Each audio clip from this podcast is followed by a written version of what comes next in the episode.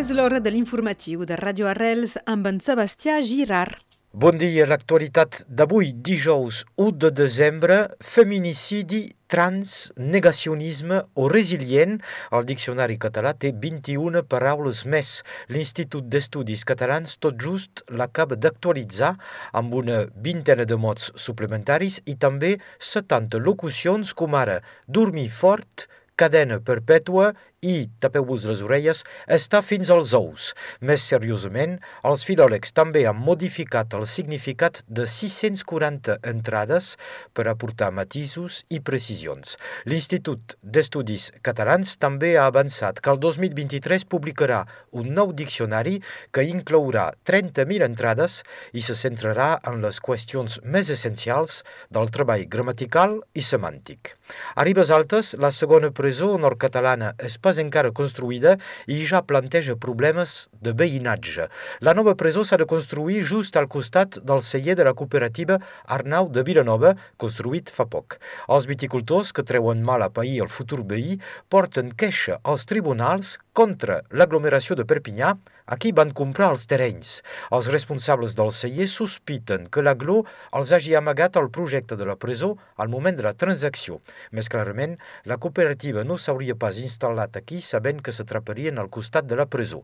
Dilluns, el dia que s'acaba l'enquesta pública per la construcció d'aquest segon centre penitenciari a Catalunya Nord, els cooperadors del celler Arnau de Vilanova manifestaran davant de l'Ajuntament de Ribes Altes. Avui comença una setmana important pel sindicalisme amb l'obertura de les eleccions professionals de la funció pública. L'escrutini concerneix prop de 35.000 funcionaris a la Catalunya Nord que hauran d'elegir els seus representants. Se reparteixen en tres cossos, els agents territorials, d'estat o del sector hospitalari. Enguany el vot és exclusivament electrònic, un fet que inquieta els sindicats que constaten areu que el vot electrònic genera molt sovint una disminució de la participació un centenar de mesures pel foment del català. La Generalitat ha anunciat una operació transversal de tots els seus departaments per reforçar i difondre la llengua catalana. El pla preveu mesures concretes amb ajudes i beques per formar jutges, per exemple, o per fer entrar el català a les autoescoles. El catàleg de 100 mesures presentat dimarts passat és molt ampli i s'estén des del sector audiovisual fins a l'economia i la justícia. Aquests últims anys, les enquestes lingüístiques lingüístiques dibuixen un escenari en què el català perd terreny al Principat. El pla presentat també preveu reforçar els mecanismes de sancions a les infraccions dels drets lingüístics dels catalans. Actualment, el 60% d'aquestes infraccions queden arxivades. A Girona, els agricultors demanen la intervenció del govern per lluitar contra la plaga de cinglars. A les comarques veïnes hi hauria 8 porcs cinglars per cada quilòmetre quadrat, segons el cens oficial oficial. El sindicat Unió de Pagesos descriu una situació insostenible que amenaça algunes explotacions. També considera que el govern no pot delegar la gestió de la sobrepoblació dels cinglars exclusivament als caçadors, que cada cop són menys nombrosos i no són pas professionals. I acabem amb un cop de publicitat enorme per un joc de cartes que empipa l'extrema dreta.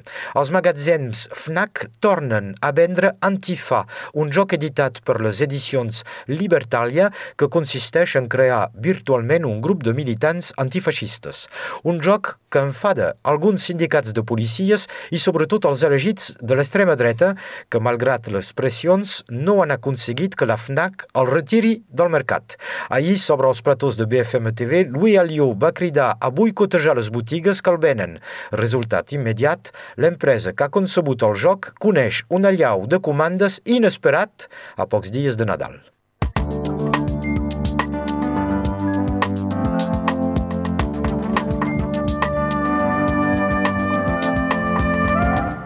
Moltes gràcies, Sebastià. Passem ara a l'informació del temps amb l'Albert Noguer.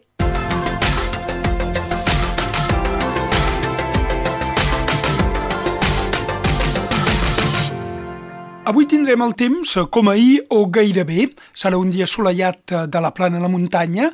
L'únic petit canvi vindrà d'uns núvols minces que es desenvoluparan durant la tarda, però que no haurien d'amagar el sol, excepte de cara al vespre a l'alba i espí. Vent feble de sector nord-est a nord-oest, màximes de 25 km per hora a les Corberes.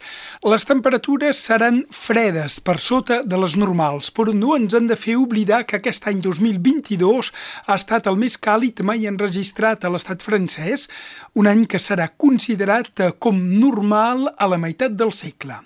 De moment, aquesta tarda tindrem 6 graus a la Tor de Carol, 3 a Puigbalador, 4 a la Presta, 10 a Sornià, 11 a Maurí, 12 12 al Bolú, 13 a Montescot, 14 a Parets Tortes i a Saleies.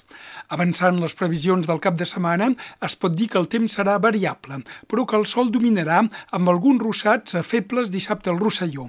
Les temperatures baixaran, sobretot les màximes. Per demà, cap problema de polen ni de contaminació de l'aire, tot just un indici d'ozó de 2 sobre 6 a Perpinyà i a Cerdanya.